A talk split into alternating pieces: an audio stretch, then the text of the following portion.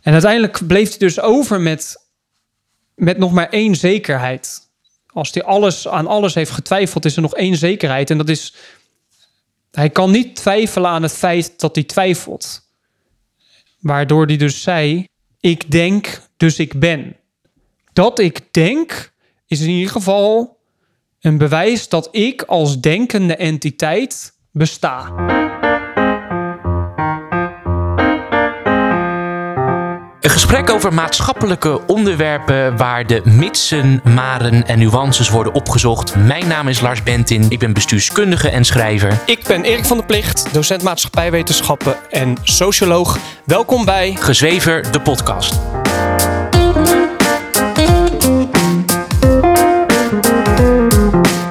Yes, welkom, hallo. Goeie, goedemiddag. Vandaag gaan we het hebben over wat we nou eigenlijk weten.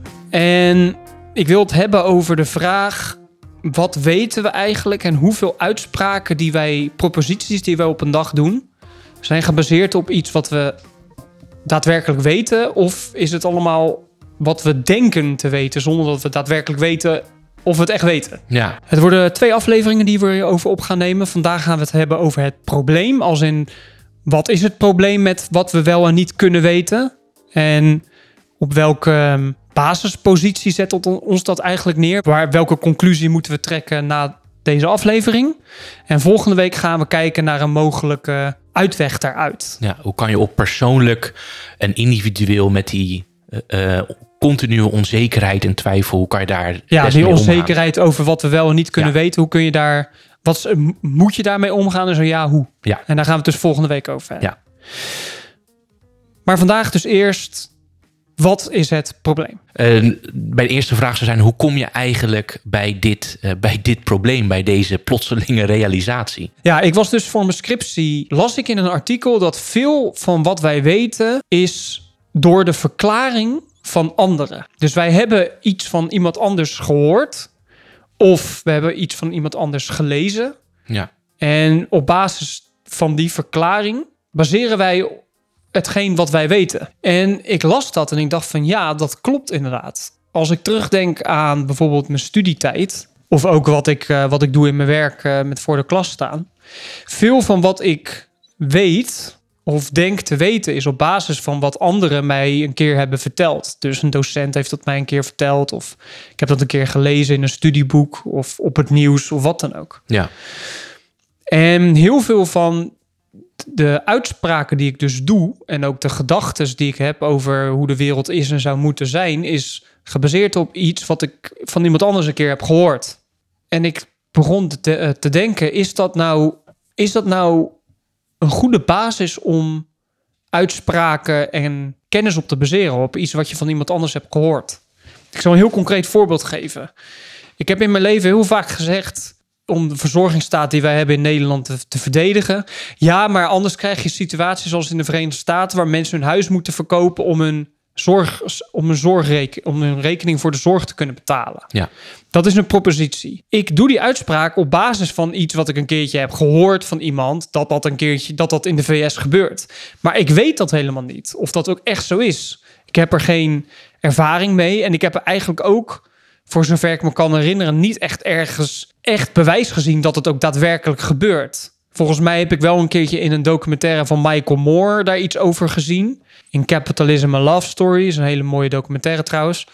Maar het is wel dus door verklaring van iemand anders dat ik daar vervolgens weer mijn verklaringen, dat die, waar ik mijn verklaringen weer op baseer. ja, En toen ben ik dus gaan nadenken van hoeveel van wat ik denk te weten is gebaseerd op verklaring van anderen.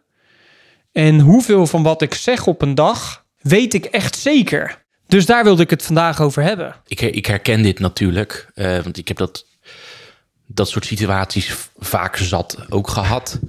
Eh, vroeger was ik een, een, een libertariër. Sowieso eh, had ik heel veel vraagtekens bij de verzorgingsstaat en de samenleving waarin, waarin we leven. Ja, En werd ik ook geconfronteerd met, met vragen op kennis en waarheden die ik altijd aannam.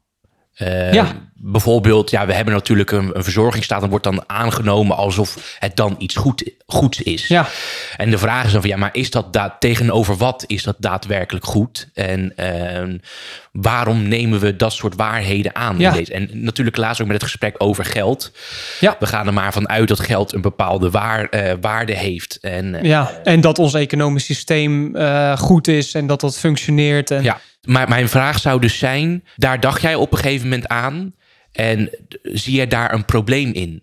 Dat, dat je de vragen stelt bij waarheden die je dan aangenomen hebt en het zelf misschien niet zeker weet.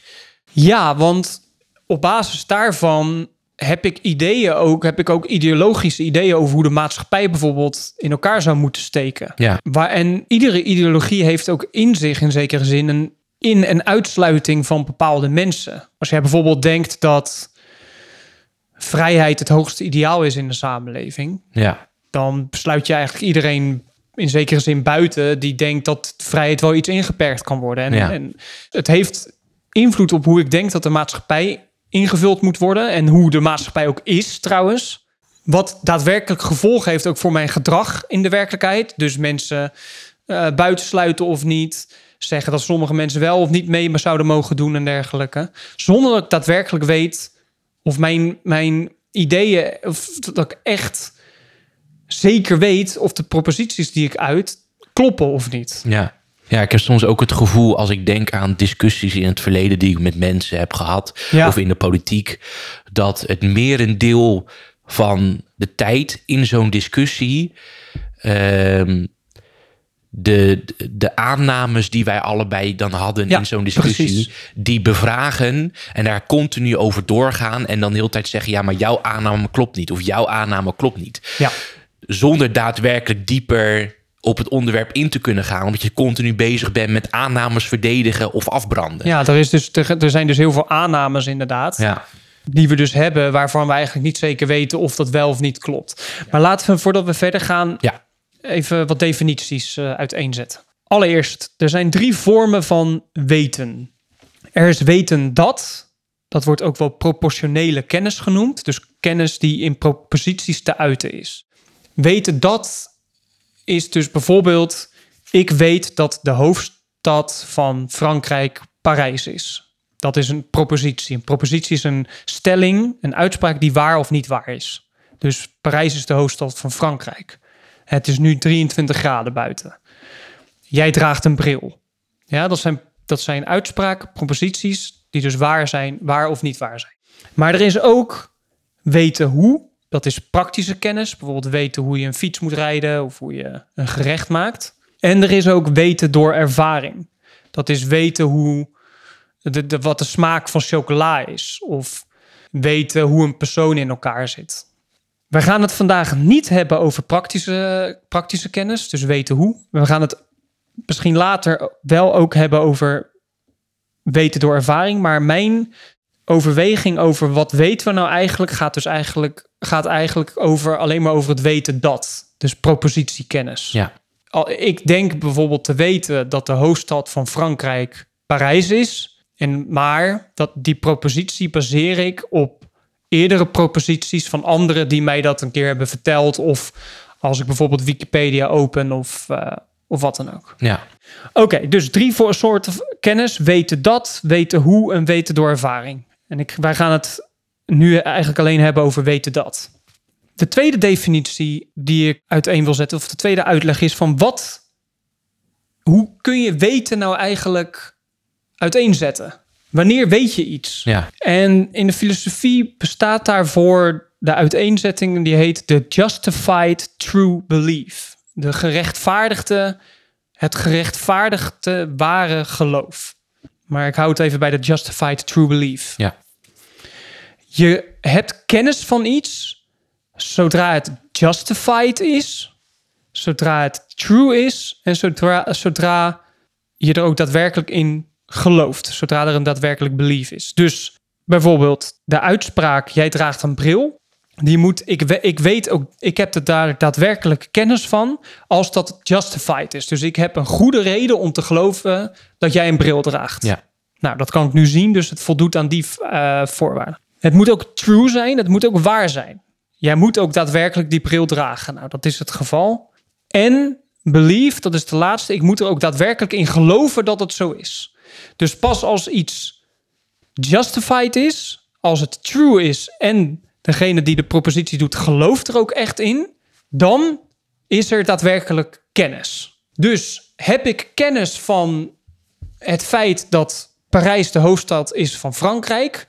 Nou, is het justified? Ja, ik heb een goede reden om te geloven dat Parijs de hoofdstad is van Frankrijk. Is het true? Ja. En is er belief? Geloof ik er ook echt in? Ja, oké. Dan heb ik dus een justified true belief over die propositie. Ja. En dan heb ik dus kennis. Waarom leg ik dit uit? Omdat ik dus in deze aflevering met jou vraagtekens stel bij de vraag of kennis justified is. Die wij doen, die wij doen door middel van, of tenminste de weten dat, de proposities.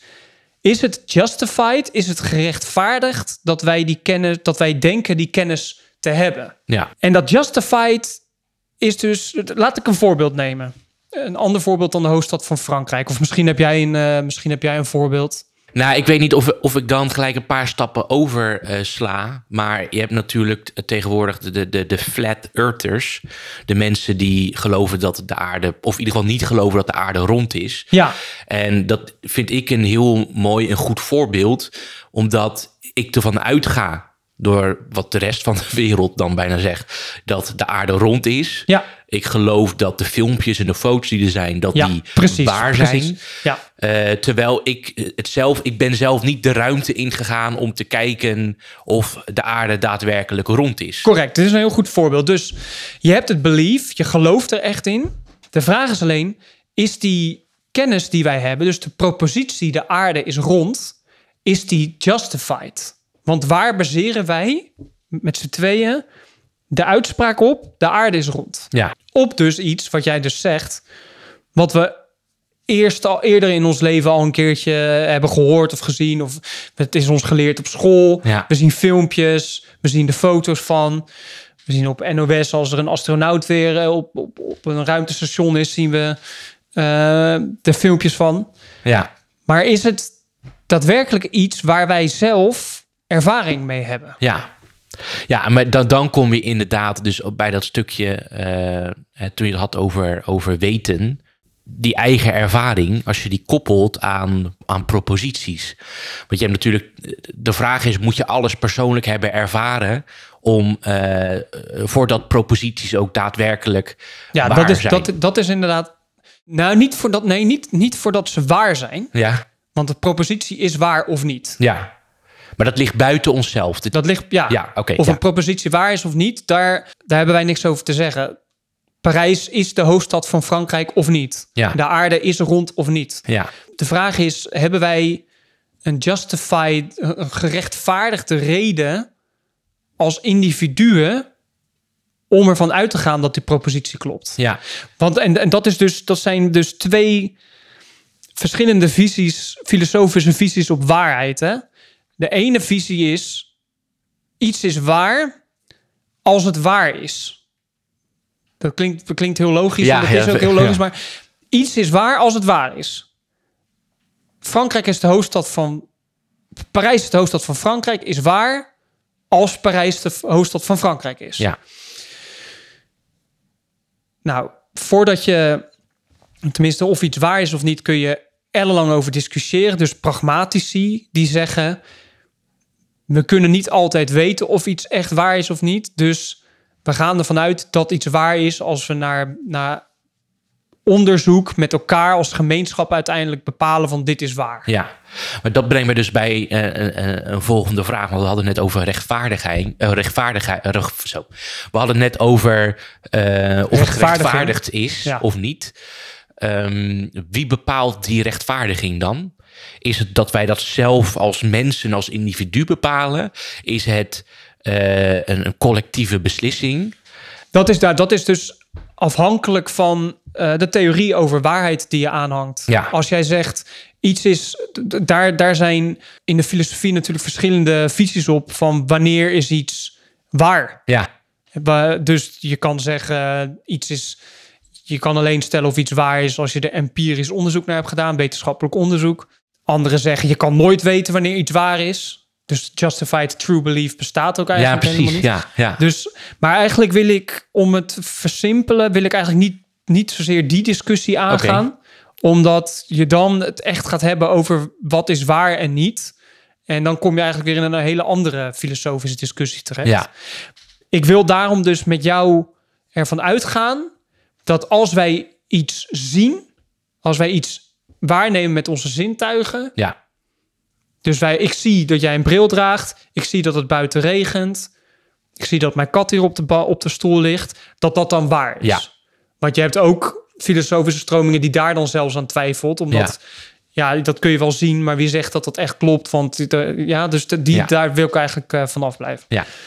Dus de vraag die je net stelt van... Ja, maar hoe weet je dan of iets waar is? Klopt dat? Was dat de vraag die je net stelde? Ja, nee, dat klopt. Want je, je stelt net de vraag van rechtvaardiging. En dan gaat bij mij gewoon gelijk Ja, wanneer is het dan gerechtvaardigd? Wanneer is het dan gerechtvaardigd Nou, laten kunnen we het met, kunnen we, vind jij dat we het met elkaar eens kunnen zijn dat voor de, voor, om, om het simpel te houden, dat wij wat we empirisch waarnemen, Ja. empirie is dus met onze zintuigen Ja. waarnemen, dat Ja. zien wij nu als waar. Ja, Oké.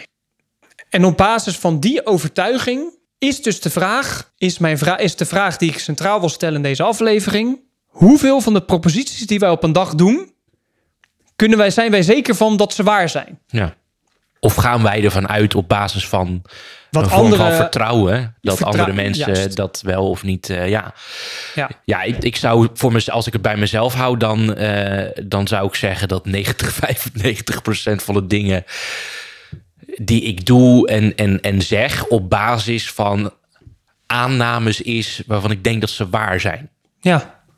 Ja, en daar zit ik dus de laatste tijd ook over na te denken van hoeveel zou dat van mij zijn? Ik, ik zou het niet weten. Dan zou, dan zou ik echt alle gedachten en uitspraken die ik heb op een dag moeten bijhouden en kijken wat daarvan proposities zijn. Ja, Kijken waar ik die propositie, die aan de, de, de kennis die ik denk daarover te hebben, waar ik dat dan weer op baseer. ja. Wat, wat heeft dit voor praktische uitwerking nu met deze realisatie? Wat, wat, wat merk je dan door de dag heen? Ook als je bijvoorbeeld, je bent, onder, je bent docent. Wat merk je dan in het onderwijs daarvan? Nou, dat ik veel uitspraken.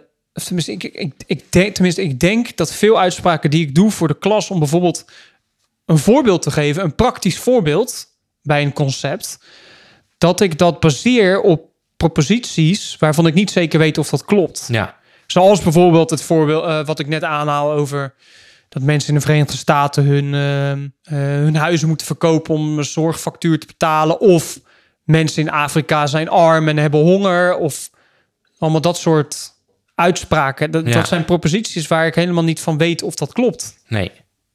Nee, dus dit, onze, onze maatschappij is in, in dat opzicht dus ingericht of gestructureerd door een, een bijna een keten of koppeling Ja, het is van een, op, aannames die Ja. wij voor waar achten. ja, het is een, het is een opbouw van proposities. ja, En laten we daarbij maar gelijk eh, Descartes aanhalen. Descartes was een filosoof die leefde in de 17e eeuw, geboren in Frankrijk, overleden in Zweden.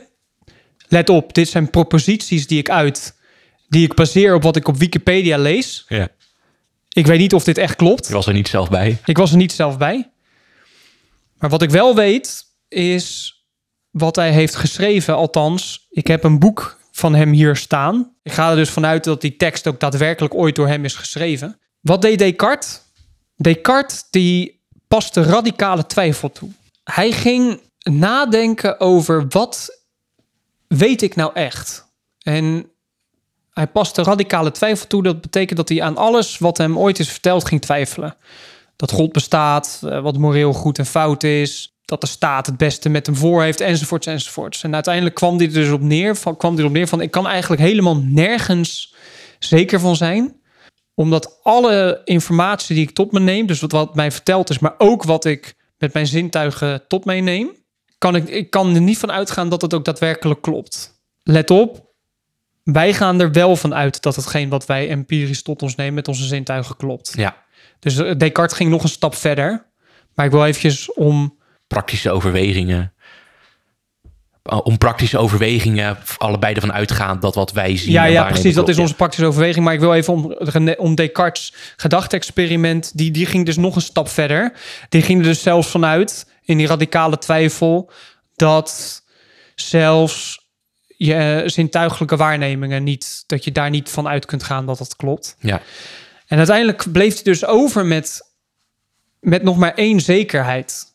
Als hij alles, aan alles heeft getwijfeld, is er nog één zekerheid. En dat is, hij kan niet twijfelen aan het feit dat hij twijfelt.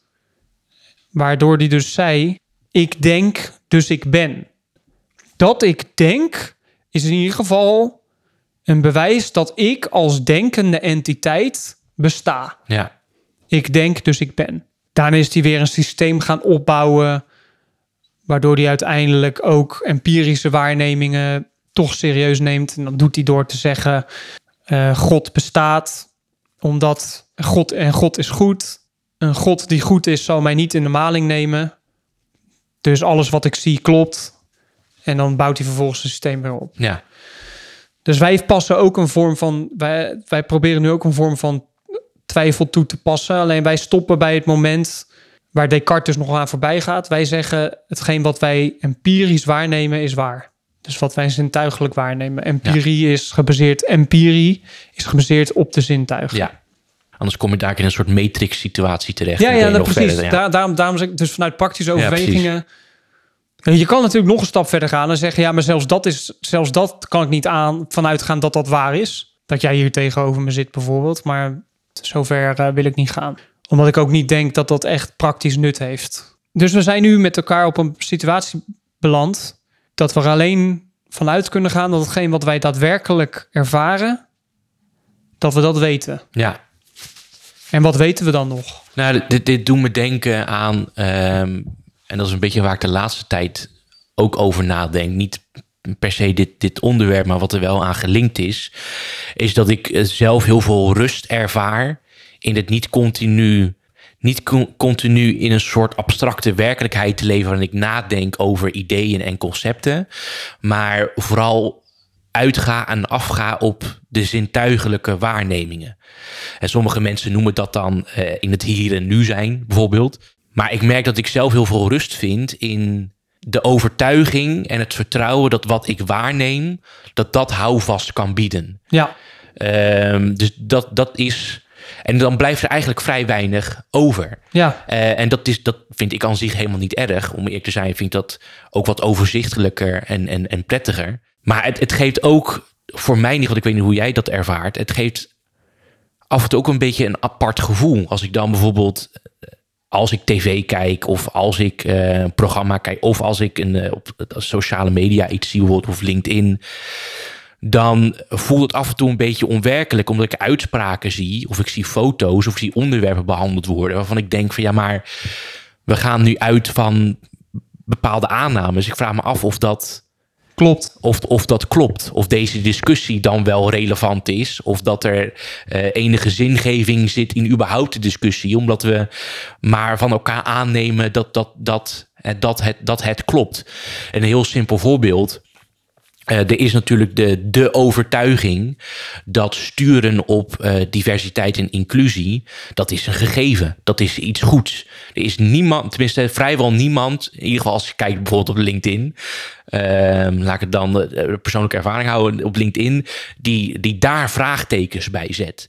En ik kan daar wel vermoeid door raken als ik zo'n discussie dan zie, omdat ik denk van ja, maar we gaan er nu al van uit dat dat het goede is Ja, om daar, te daar, doen. ja en, en op de overweging dat inclusie en diversiteit het beste is, daar hangen natuurlijk allemaal proposities onder. Want het beste is ook weer uiteen Ja, te zetten in verschillende klopt. proposities. Dus bijvoorbeeld, Ja. het leidt tot meer efficiëntie. Nou, dat is, iets- dat is iets wat waar of niet waar is. Ja, Het leidt tot effectievere bedrijfsvoering. Dat is iets wat waar en niet waar is. ja, Dat zijn allemaal proposities die eronder hangen ja. waarvan jij en ik niet weten of dat ook daadwerkelijk klopt. Vooral, en dat is ook waar dit natuurlijk bij aansluit, is dat tegenwoordig de wetenschap steeds meer gepolitiseerd is. Ja.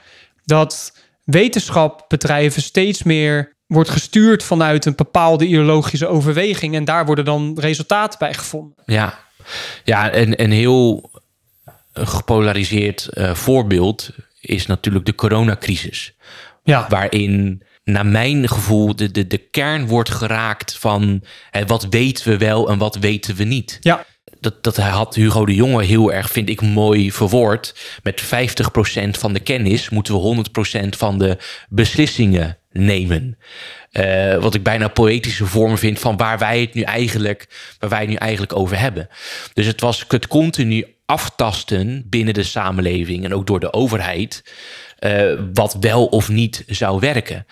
Uh, en uiteindelijk kom je natuurlijk ook in een, in een tegenbeweging in de coronacrisis, die continu vraagtekens zetten bij uh, de wetenschap achter de beslissingen.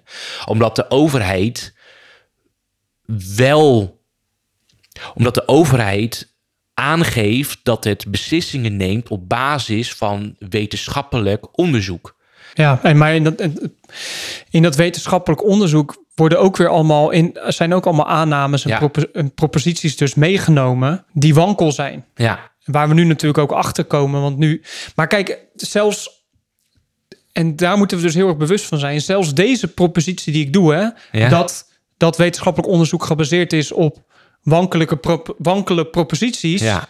weet ik niet zeker, want ik was er niet bij. Nee. Dus we moeten dus, je merkt dus hoe snel je al valt in uitspraken doen waar je helemaal niet zeker van bent of dat klopt. Ja. Maar eh, eh, eh, moet ik eerlijk in zijn, dat als je dit zegt, dat begrijp ik. Maar als je, als je al als begin stelt, proposities zijn eigenlijk bijna altijd al wankel, omdat je er zelf geen ervaring mee hebt. Dat, en zegt wetenschappelijk onderzoek is gebaseerd op wankele proposities, dat ik dat dan als, als, als waar aanneem. Ja, dat, dit, dat is een, een logische, Ja, precies. logisch Ja, gevolg. Ja, ja, Ja, dus in, inderdaad. Dus als wij de, de basispropositie hebben... je kunt alleen zeker weten of een propositie klopt... als je er zelf ervaring mee Ja. hebt. Dan kun je daar natuurlijk uit opbouwen... dat alle, alle proposities die je doet... moeten gebaseerd zijn op proposities... waar je zelf ervaring Ja. mee hebt. ja. Maar je ziet dus de, de, een, een maatschappelijke beweging ontstaan van eh, critici van coronabeleid, die dus Hoe weet je... Maar dit, dit bedoel ik dus zeggen. Ja, precies. Naar mijn ervaring, is dat, dat, is dat dan een goed begin van de zin? Ja, dat kan. Ja, maar ja. klopt dat? Heb je Ja, daar ervaring mee? Nou, eh, de, de mensen die eh, in mijn persoonlijke omgeving toen der tijd, die dus kritisch waren op het coronabeleid. Oké, daar heb je, de, heb je En- letterlijk gesprekken mee gehad. ja waar, die ik dan, en, en misschien is dat dan niet gerechtvaardigd, maar die ik dan als representant neerzet van een hele beweging. Ja, maar dat, dit bedoel ik Ja, dus. dat Nee, maar ja, dit Nee, is dus- gelijk. Ja, ja, dit is wacht. dus- Ik, ik, ga, ik ga het. Ja. Ik, vind het ik, vind het, ik vind het oprecht heel erg leuk. Ja. Ehm, laat ik het dan een, een stapje terug doen. Ja, Een gesprek met een toenmalige goede vriend van mij, die heel erg kritisch was op het coronabeleid, voerde eigenlijk de, de, de kern als bewijs aan dat je niet af moet gaan op wetenschappelijk onderzoek. Wat waar wij nu over hebben. Hij zegt namelijk van ja, maar het wetenschappelijk onderzoek wat elke keer wordt aangehaald, staat vol met aannames waar, waar je helemaal niet van eh, per se gelijk van op, op, op, op aan kan gaan. Eh, we hebben het vaak natuurlijk zelf ook in, in andere afleveringen het gehad over onderzoeksmethodiek en of dat dan wel of niet tot een bepaalde waarheidsvinding kan komen. Ehm, maar hij bracht dus precies het punt naar voren waar wij het nu over hebben. En dat vond ik oprecht heel erg mooi aan, aan, aan mensen zoals hij, waar ik dus persoonlijk dan ervaring mee heb. Omdat ik dat een gezonde manier van denken vind. Waar je ook helemaal niet iets naars achter hoeft te zoeken. Want er werd natuurlijk vanuit de persoon van Hugo de Jonge bijvoorbeeld, of Mark Rutte, werd er hevig ingezet op het tegengaan van fake news. En fake news werd dan door hen neergezet als mensen die vraagtekens zetten bij eh, wetenschappelijk beleid achter het coronabeleid. Eh, wetenschappelijk onderzoek achter het coronabeleid. En dat doet me dan gelijk denken van ja, maar oké, maar wat moet je dan, wat moet je dan in zo'n, zo'n situatie doen? Want het heeft, ik bedoel, corona eh, bestond. Dat is mijn ervaring, corona bestond. Eh, het had ook daadwerkelijk medische gevolgen voor ouderen dan bijvoorbeeld. Dus we hebben te maken, naar mijn ervaring, met een probleem. Het is gerechtvaardig om continu vraagtekens te zetten achter beleid en überhaupt achter wetenschappelijk onderzoek achter het beleid. Maar hoe kom je daar in de praktijk mee verder?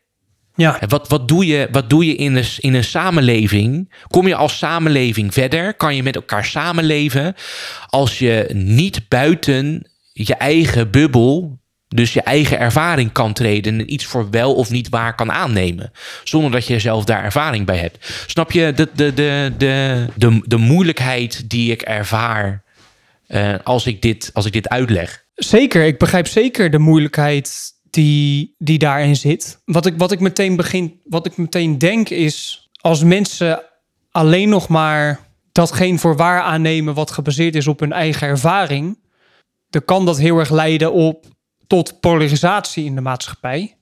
Omdat mensen dan alleen nog maar vanuit hun eigen ervaring redeneren. Ja, Maar aan de andere kant, als mensen hun mening en visie baseren op proposities waarvan ze, waar ze geen eigen ervaring mee hebben, ja. dan kan dat ook leiden tot Nee, klopt. Polarisatie. Ja.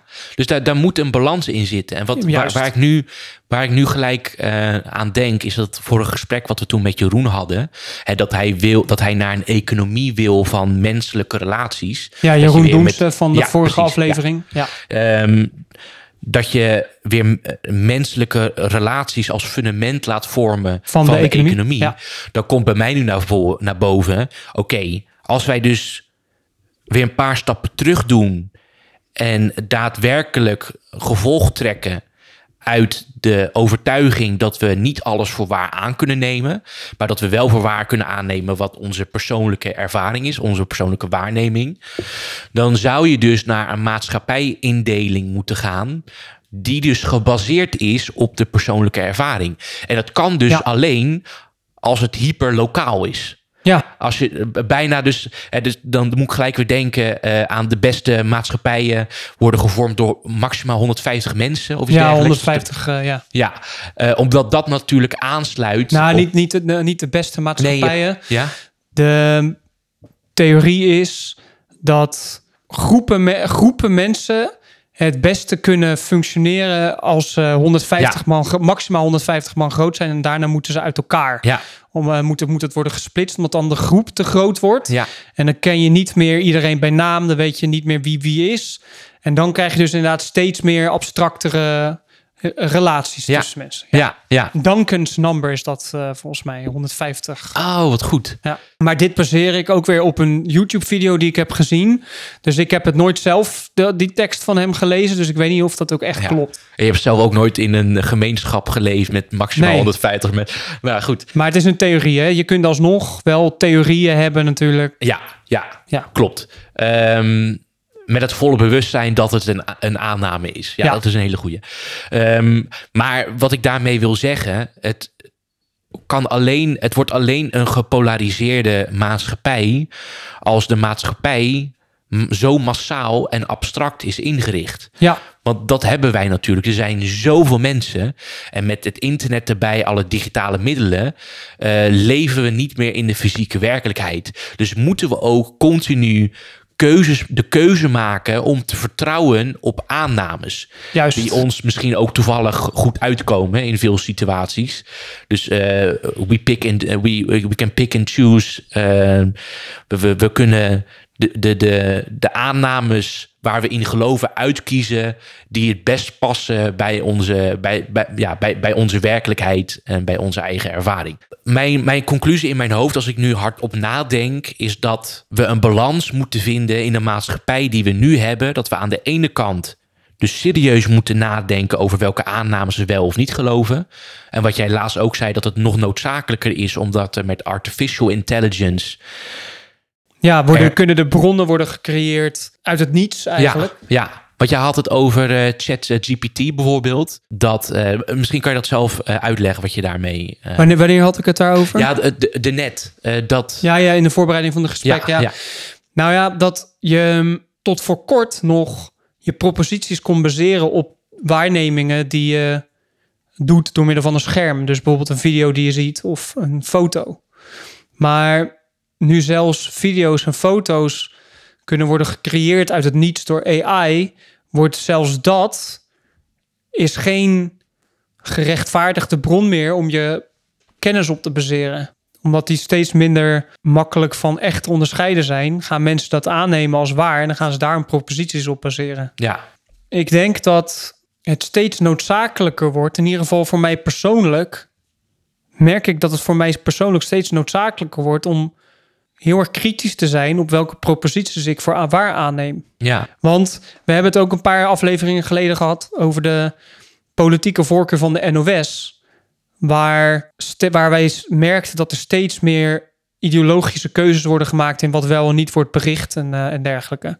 De, van mijn vraag is, kan ik daar dan dus nog mijn proposities op baseren? ja, Op de NOS of op andere nieuwsmedia of op wat de overheid vertelt over bijvoorbeeld hoe het met de economie ervoor staat. ja, ja, ja, want, want ik zag laatst weer over, dat ging over die film van Cleopatra, eh, wat op Netflix wordt gemaakt. Eh, Ik weet niet, ik ken de casus niet. eh. Nee, er wordt een, een, een, een, een, een docu wordt gemaakt over, over Cleopatra door Netflix. Ehm, alleen er wordt er dus een, een, een- etniciteit gebruikt voor de actrice die discutabel is.